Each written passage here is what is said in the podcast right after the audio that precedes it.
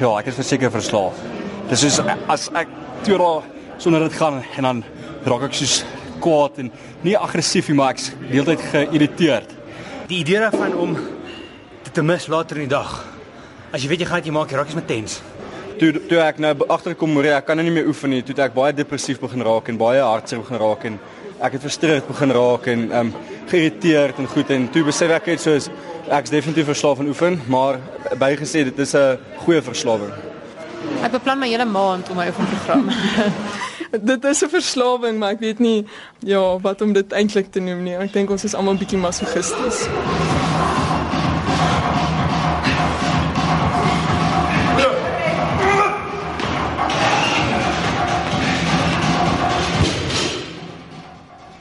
Dokters, dieetkundiges en spesialiste moedig mense aan om te oefen. Enige vorm van sport of aktiwiteit te beoefen, want is goed vir jou gesondheid. Maar wat as jy verslaaf raak aan oefen? Is dit selfs moontlik? Te veel van 'n goeie ding.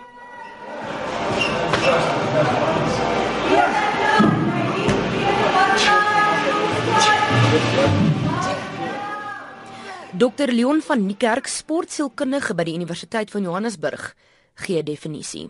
Kerstel is fiksheid verslaafde persoon is iemand wat so baie oefen of so gereeld oefen as wat hulle kan, maar afhanklik word daarvan. Hulle kan later nie meer daarsonder nie. Dit beteken dat hulle hele gedrag en hulle mikpunte en hulle doelwitte vir elke dag is so gefokus op die oefengedrag dat hulle gepreokkupeerd raak daarmee en wanneer hulle dit nie kan doen nie, is daar negatiewe effekte vir hulle. Soos hulle raak baie emosioneel, baie keer aggressief, gefrustreerd en die oefengedrag neem so groot plek in hulle lewe dat hulle soms ander belangrike dele van hulle lewe agterweë laat. Estie van Heerden is getroud, 'n ma van 2. Sy bestuur haar eie besigheid en Estie is 'n driekamp atleet. Ek beplan my hele maand om my oefenprogram. ek en my man sit in die begin van die maand en beplan wat se wedlope ons gaan doen en hoe ons oefening gaan werk daarvolgens. En jy weet wat die een kry voorkeur, wat die een kry afkeer en dan kyk ons na die kinders se program en dan kyk ons na die hele program in totaal. Ek sê altyd die grootste grootste onder ons is in ons huwelik gaan oor oefentye. Wie se wie se tye is wie se net. Sjoe, ek spandeer omtrent so gemiddeld 2 na 4 ure 'n dag aan oefening. Waarvan meeste van dit voordat ek 'n driekamp atleet is, is dit of hardloop of swem of fietsry of swem of hardloop en fietsry. Ek probeer soveel as moontlik inpas te kan. Susan Klasen is 'n fisioterapeut in Johannesburg en self 'n oefenverslaafde. Sy stem saam met Estie en gee haar eie beskrywing van hoe jy oefenverslaafde kan identifiseer. Wel, dat daai persoon is obsessief gewoonlik. So as jy iemand kry wat oor niks anders meer kan praat nie of niks anders kan doen nie en dit sy oordonderende prioriteit gemaak het en dat hy 'n mate van angs rondom hom het, het. Hy's angstig dat hierdie gaan inmeng met sy oefenprogram en hy's angstig dat as hy weggaan op vakansie gaan hy agterraak teen sy vriende en hy geniet nie meer die die lewe nie. So wanneer dit begin om 'n negatiewe ding te raak wat jy kan eintlik agterkom, die persoon self geniet dit nie eers meer nie. Dit was beslis nie moeilik om mense op te spoor wat by hierdie beskrywings pas nie van Susan en Dr Leon van die kerk. Ek het tydens die Desembervakansie by Alzaan Werd gaan kuier en sy was besig om te pak en voor te berei vir 'n seevakansie saam met haar familie. Maar Alzaan het bietjie gesukkel met die pakwerk. Ja, ek probeer nou uitfigure hoe min klere ek kan saamvat sodat ek my weights ook in die kar kan laai um, om te oefen by die see. En um, ook daarso die CrossFit gemeenskap is sodat amper oral waar jy nou weggaan sal daar 'n boks wees waar jy kan oefen. So ek het klaar met die CrossFit in Bellito gereël sodat ek daar my my sessies voor Kersfees kan inkry. Ek werk met uh, met meestal mans by 'n ingenieursfirma En daar is al opgemerk dat ek meer kan eet as enige van hulle en dat ek meer praat oor oefening en weights en die grootte van my biceps as enige van hulle. en sê het dit al jou verhoudings in die verlede beïnvloed? Ek sou definitief so sê ja, romanties en verhoudings met vriende want jy weet dis 'n kuier op 'n Vrydag aand en jy sien wat sê, "Oké, jy weet ek het my lifting sessie môreoggend 8uur so ek gaan vroeg huis toe gaan of ek voel dis definitief as ek nie oefen vir 'n hele ruk as gevolg van besering of siekte dan jy voel angstig, jy voel nie jouself nie en baie keer is mense in jou lewe wat dalk nie so voel oor oefen kan nie regtig verstaan of jy weet sien hoekom oefening vir jou so baie kan beteken nie. Wel een van die eerste dinge is jou interpersoonlike verhoudinge kan kan skade ly, veral jou meer intieme persoonlike verhoudinge. Jy weet as vroutjie begin kla dat jy vir ure lank buite 'n oefenprogram is, jy's op die pad of jy is in 'n gim of waar jy ook al oefen, dan moet jy begine besef sy het dalk ook jou aandag nodig. En as jou oefenprogram so baie van jou tyd in beslag neem, dan gaan dit vir jou moeilik wees om by haar uit te kom. Die kinders gaan ook begine kla pa is afwesig of ma is afwesig of boetie wat hardloop is afwesig. 'n Ander gevaar wat jy kan kry in sosiale omgewings is onttrekking. Mense begin so geokkupeer raak met dit wat hulle in die oefenprogram doen. Hulle wil so gou daarby uitkom want hulle kan nie daar sonder nie dat hulle ander verhoudings ook afskeep. So vriende begin later kla en hulle beleef jou dan as iemand wat onttrek en nie meer beskikbaar is in jou onmiddellike om, sosiale omgewing nie ek dink in terme van jou werk en as jy afhanklik raak daarvan, gaan jy van jou werkstyd begin afgee wat ook sosiale probleme en werksprobleme vir jou kan skep. Ek, ek dink atlete wat veral blootgestel is aan hierdie tipe ervaring, moet bedag daarop wees sodra dit wat ek doen ander dele van my lewe soos my werk of my interpersoonlike verhoudinge begin nadelig raak, dan moet ek weer evalueer waarmee ek besig. Jerry van der Walt en broers Louwan en Eduan Viljoen kan baie goed identifiseer met dokter van die kerk se punt dat 'n mens verhoudings afskeep. Die drie manne oefen almal saam. Die oefening nie noodwendig nie, ek is 'n gelukkige posisie waar my vrou dit ook doen. Soos 'n saam verslaaf. Maar in verlede het ek al vriende verloor jare terug, maar dit was bietjie anders, dit was meer kompeterend geoefen. En mense verstaan dit nie. As jy as mense nie dit doen nie, dan verstaan hulle dit nie. Hulle kan nie die knoppies bymekaar kry nie. Is dit moontlik om vriende te hê wat nie hierdie doen nie? Ja. As hulle verstaan waaroor dit gaan en as hulle weet hoe belangrik dit is vir jou. Ek het, I mean, ons die is wat my werk is. Goeie vriende gaan baie saam uit na ons met maar hulle verstaan waar hierdie inpas in my lewe. Ja, um, ek ek het al vriende verloor, maar soos ek het ook ook vir myself gesê, weet, soos as ek um moet kies kies tussen hierdie 'n verhouding, sal ek hierdie kies. Daar so daar's 'n twyfel daaroor nie, so sy gaan maar man dit moet verstaan anders is dit maar een van daai 10 dinge.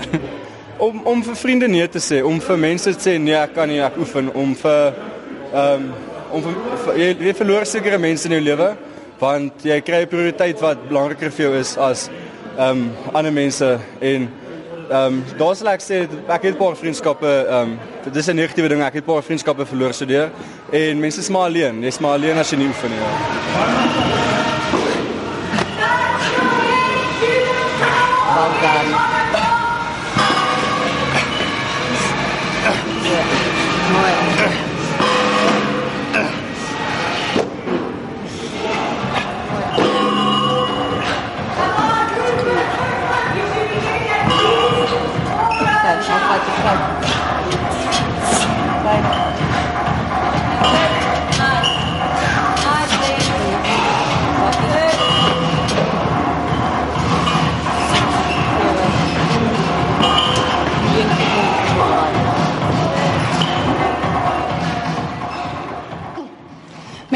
Um, verskriklik oefen is gewoonlik gewoond daaraan om met 'n sekere vlak van pyn te werk. So as jy byvoorbeeld verby 30 km hardloop, gaan jy sekerlik begin om 'n klein niggeltjie te hê en 'n bietjie pyn te ervaar.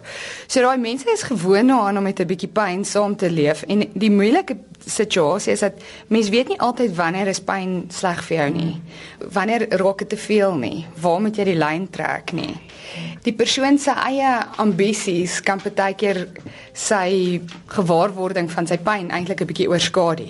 So jy praat jou pyn weg omdat jy jy so obsessief is en jy so 'n ambisie het om iets te bereik dat jy nie intussen tyd wil sien dat iets jou enigstens kan terughou nie. So hulle het gewoonlik allerlei herhaaldelike strein beseringkies vir baie ligament en baie tendon beserings waar jou ouens wat meer in 'n kontaksport is, sal meer 'n akute besering hê, weet 'n kneuswond of so. Maar die oefenverslaafdes het almal klein niggeltjies wat hulle saam sleep. en gewoonlik as ek vir een van hulle vra van wanneer af het dit begin, kan hulle nie eens meer onthou nie want hulle leef al 'n jaar lank met hierdie ding saam. Dit hou jou kop weg van alles. So jy weet dit is op 'n manier goed vir jou. Maar vir my gaan dit meer oor niemand kan my nou pla nie, is my plek. 'n donker plek, maar is lekker. En baie keer voel jy jy voel 'n klein tweak of 'n niggle in 'n knie of 'n enkel, dan weet jy jy moet dalk enkel, ja, my enkel. Dan weet jy jy moet dalk iemand gaan sien, maar dan gaan jy liewers nie, maar net of jy moet ophou. En jy gaan nie ophou nie. Maar men, daar is daar is fisioterapeute en groot buite wat verstaan hoe belangrik dit is of dit is vir gesondheids jou kop kompeterend dat hulle kan werk met jou dat jy kan aanhou oefen. Redelik min wat wat werklik in die sport self gebeur het. Jy weet ek dink uh, meeste van beserings kom uit onkunde uit en meeste van beserings kom uit ooroefening uit. Weet en dit is hoekom ek dan ook 'n afrigter het om om my te help om dit te bestuur. Jy weet dat ek nie te veel oefen nie. Dis eintlik my grootste probleem. Jy weet en ek dink in in die publiek daar buite weet mense het 'n wanbegrip van ehm van weet eh, sterkte oefeninge, jy weet jy moet dit met gewig te doen alles en jy moet glad nie. Jy weet in die oomblik as jy dit begin verstaan, kom jy agter maar jy het minder beserings en hoe sterker jy is, hoe meer kan jy doen, hoe minder word jy beseer.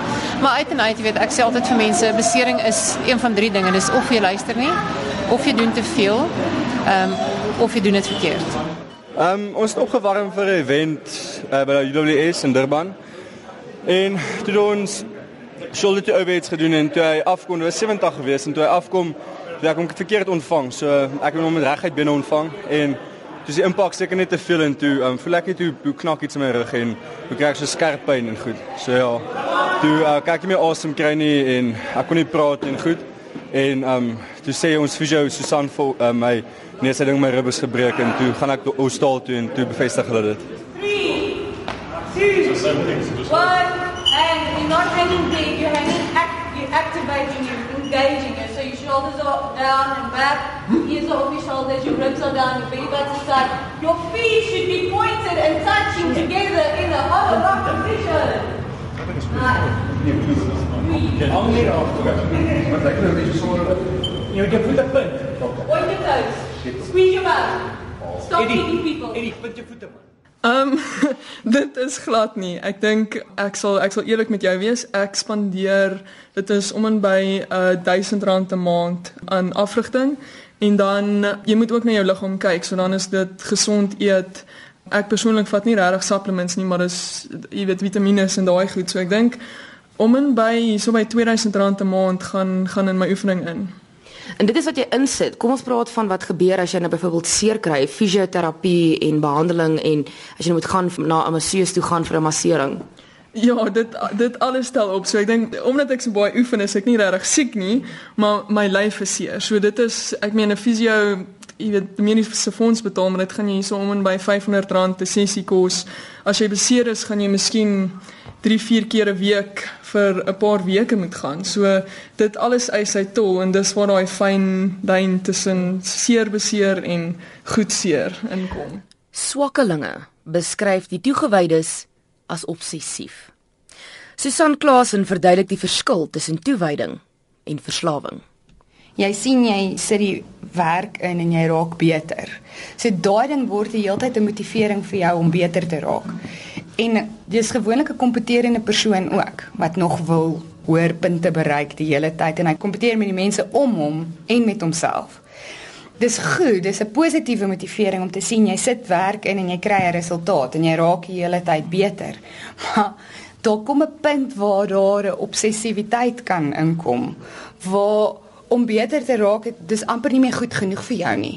En jy is nie meer tevrede met jou vordering nie en dit raak dan 'n probleem as 'n ou daai punt bereik waar jy nie meer tevrede is nie. Waar jy wil heeltyd meer en meer hê, niks is meer genoeg nie en niks is goed genoeg nie. En dan is iets 'n verslawing. Want dan het dit 'n negatiewe ding geword. Jy gebruik nie meer die positiewe deel daarvan dat jy goed voel oor jouself en laat dit jou tevrede stel en jy weet daar's niks meer van daai positiewe emosies nie. alles word negatiewe gedagtes en daai persoon raak so opgevang in sy eie negatiewe gedagtes. En soos ek jou sê, dis dan wanneer 'n mens jou dryf na 'n punt toe wat na 'n ongesonde plek toe is waar jy jouself beseer, waar jy jouself uitbrand. Want van iets wat 'n positiewe motivering moes gewees het, het jy heeltemal beweeg na 'n plek waar jy jouself negatief motiveer. Jy's bang iemand gaan verby jou gaan jy's ontevrede met jou vordering. Jy kon nog harder probeer het. Jy weet al daai goeters is sulke negatiewe feedback wat 'n mens vir jouself begin gee en ek dink dis wanneer dit 'n verslawing raak en nie meer 'n toewyding raak nie. O, ek is so ek is glad nie 'n goeie mens om saam mee te lewe dan nie. Ag, jy weet ek dink dit is maar moeilik, jy weet. Ek het 'n afrigter en sy bepaal ook dat ek ehm um, 'n 'n dag 'n week rus. Weet en as jy dan 'n dag af het, jy weet, voel jy totaal nou, jy weet jou ritme is gebreek. Jy weet as ek laat slaap, ek staan elke oggend baie vroeg op om te oefen en as ek die een dag laat slaap, is dit skoon vies vir myself, jy weet en dit voel of my dag onderste bo is en ek het letterlik met die verkeerde voet uit die bed uit opgestaan. Ehm um, weet en soos ek sê, dan voel ek die hele dag skuldig. Jy weet en dit is absoluut 'n katolieke manier om daarna te kyk, maar ek dink iemand wat al 'n hele lewe lank met sport kom, dit raak dit so deel van as jy dit nie het nie, dan voel dit of daar 'n gedeelte weg is, jy weet uit jou dag uit. Ja, ek is een van 'n tweeling en my broer ehm um, Johan, hy het nou onlangs na die na die Cayman Eilande toe getrek en ek het baie vinnig my oog op sy woonstel gehad. Nie nie vir die vir die location nie. Ek soek net daai home gym. So dit is dis vir my baie lekker die gimnasium met uh, ons daar so 'n pull-up bar en dan 'n uh, squat rack en klomp ander gewigte. So ek kan al kan ek nie by die gym uitkom in die middag nie, is ek nog steeds die gym by my huis. Okay, Kristal, as ek jou hierso kan eers vat het ons die squat rack wat dubbel as 'n uh, as 'n dip bar. So hierdie sal ek gewoonlik kombineer met die pull-ups. Dan het ons ook hierdie swart kus wat jy hierso kan sien. Kan jy sien het ons al die gewig geplaas hierso. Dit is die kleintjies. En ehm um, daar binne as ek hom vir jou kyk. Het ons die um, basies soos 'n 'n weight vest. Jy weet, want soos ons nou sterker raak en beter raak in die in die liggaamsgewig oefeninge, is dit nie meer genoeg om net jou jou eie liggaamsgewig te kan lig nie.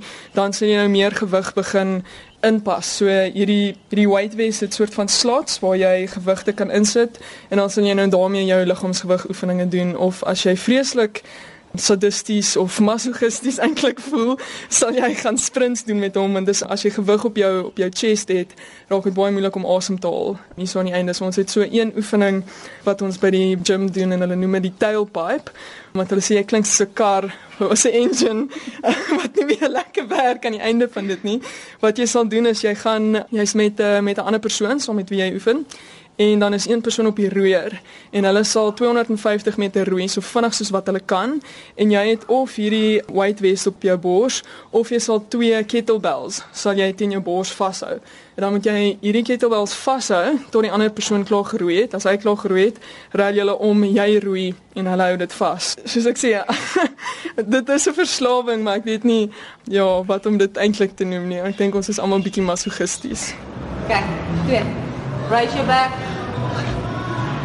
Half styf. Druk met jou bene. Op op op op op. Mooi. So dis 'n groot trekker band. Hy weeg omtrent so 200 kg. Hy gaan in 'n full squat met sy hande onder die band wat plat lê en dan lig hy dit op en oor. Dit is strongman werk. So bene, boude, maag, rug, arms, vol lyf. Susan Klasen verduidelik wat is die langtermyn nagevolge. 'n Mens kan jou liggaam se neuroendokrien stelsel uitbrand en jy kan jouself emosioneel uitbrand en as die oefenverslaafde op 'n punt kom waar hy uitbrand en hy moet terugkeer na sy lewe toe dan kom hy agter dat hy eintlik alles rondom hom verwaarloos en dat hy nie meer seker is waarna toe hy kan terugkeer nie. Dat sy hele identiteit het rondom hom oefening gevorm geraak. En dan vind hy homself in 'n baie slegte plek. Weet jy wat, nou ek sê altyd vir mense wanneer jy nie sport doen nie, um, ek moes 'n vier- ek het 4 jaar van my sportloopbaan uitgevat um, om ty, om my kinders te hê en weet om tyd aan my kinders te gee. My seentjies is nou albei op die ouderdom wat ek met kon begin. En dit is my gevoel toe ek weer begin oefen het dat dit voel of iemand 'n uh, kombers van jou weet van jou gesig aftrek. Jy sien weer helder, jy dink weer helder. Ehm um, jy weet jy's jy's op jy ek dink jy werk op 'n ander frekwensie as mense om jou wat nie oefen nie. En ek dink dit hoe meer jy dan ehm um, konsentreer op dit, jy weet jou oefentye, jou jou eetgewoontes en alles, hoe suiwerder jy lewe, hoe suiwerder voel jy. Ehm um, en dit is 'n ongelooflike gevoel wat jy nie vir mense kan verduidelik wat nie oefen nie. Um, en dit is nogal verslawend, weet maar ek ek sê ook altyd wanneer ek in die oggende klaar geoefen het en ek gaan sit agter my rekenaar om te werk, het ek daai absolute 2 ure van totale fokus en konsentrasie en gebeur my beste werk van my dag gebeur in daai tyd. Ehm um, so dit is wat mense ek dink wat nie oefen nie sukkel om te verstaan totdat hulle dit wel eendag ervaar en agterkom o, ek het genigtig. Dit is eintlik fantasties. Dis 'n dis 'n ongelooflike gevoel en dit is verniet. Ons het pas 'n navorsing by die Universiteit van Johannesburg voltooi waar ons gekyk het na studente wat in 'n oefenprogram is se psigologiese geestesgesondheid. Dis aangrypend die resultate het vir ons aangedui dat die studente groep wat verslaaf is aan oefening se psigologiese welstand is hoër as die studente wat nie verslaaf is nie. So hierdie is een van die verslawings wat ook 'n positiewe kant het. Jy voel goed oor jouself, dit voel vir jou asof jy jouself kan hanteer in jou omgewing en al die emosionele prosesse wat gaan met hierdie gevoel van geestelike welstand is hoër vir mense wat verslaaf is. Die ander kant van hierdie muntstuk is dat mense wat verslaaf is ook emosioneel geïrriteerd kan wees, kan onttrek en op 'n psigologiese vlak die balans tussen wie hulle is en wat hulle doen nie meer handhaaf nie. Hulle word dit wat hulle doen en later is hulle net dit wat hulle is. Ons praat van 'n een eensidedige identiteit of mense wat net 'n sportidentiteit het. Jy kan oor jouself nie dink as iets of iemand anders nie.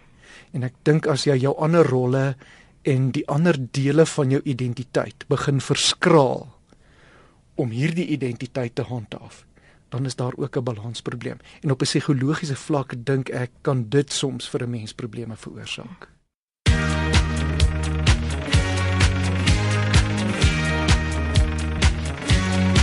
Barbara Streisand. Ek dink dit is 'n passie wat ek uitleef, iets wat buite my werk is. Ek glo vas dat jy kan nie jou 9 tot 5 net werk en by die huis kom en niks iets anders te hê nie. So vir my is dit 'n passie om gesond te wees, om te sien wat my liggaam kan doen en myself regtig te push tot die limite wat ek nie eens geweet het wat ek het nie.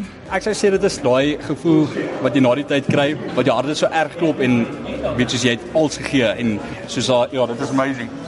Nee, dis regtig cool. Daar's twee kante van dit. Ek kon ek kon verslaaf gewees het aan sigarette en alkohol, maar ek is verslaaf aan iets wat goed is vir my liggaam. So ek sal dit wil verander. Dit is 'n leefstyl en ehm um, ek sal goed opoffer vir dit, man is lekker. Ek weet weer eens, ek dink dit is 'n dis 'n leefstyl besluit. Ek weet oor dat ek 'n man het wat ook 'n sportman is, help dit baie dat ons gesin saam naweke sport doen en my kinders word al gaan saam met my as ek baanwerk doen, gaan hulle saam met my op Vrydagmiddag. So dit raak 'n absolute familie ding en nie net, jy weet, 'n ontwrigting vir 'n gesin, weet raamwerk nie.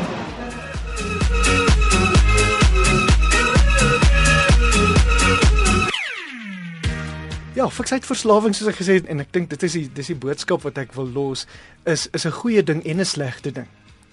Die goeie wat daaruit kom gee vir jou soveel byvoordele om gesonde lewenstyl en lewenspatroon te handhaaf. Maar die ander kant van daai munt is 'n kant wat jou isoleer, wat jou kan laat onttrek, wat jou 'n onaangename mens kan maak in ander omstandighede, wat spanning kan bring in jou verhoudings.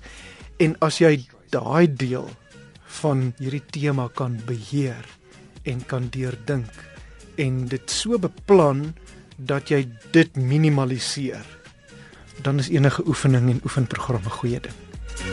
Barbara Streisand.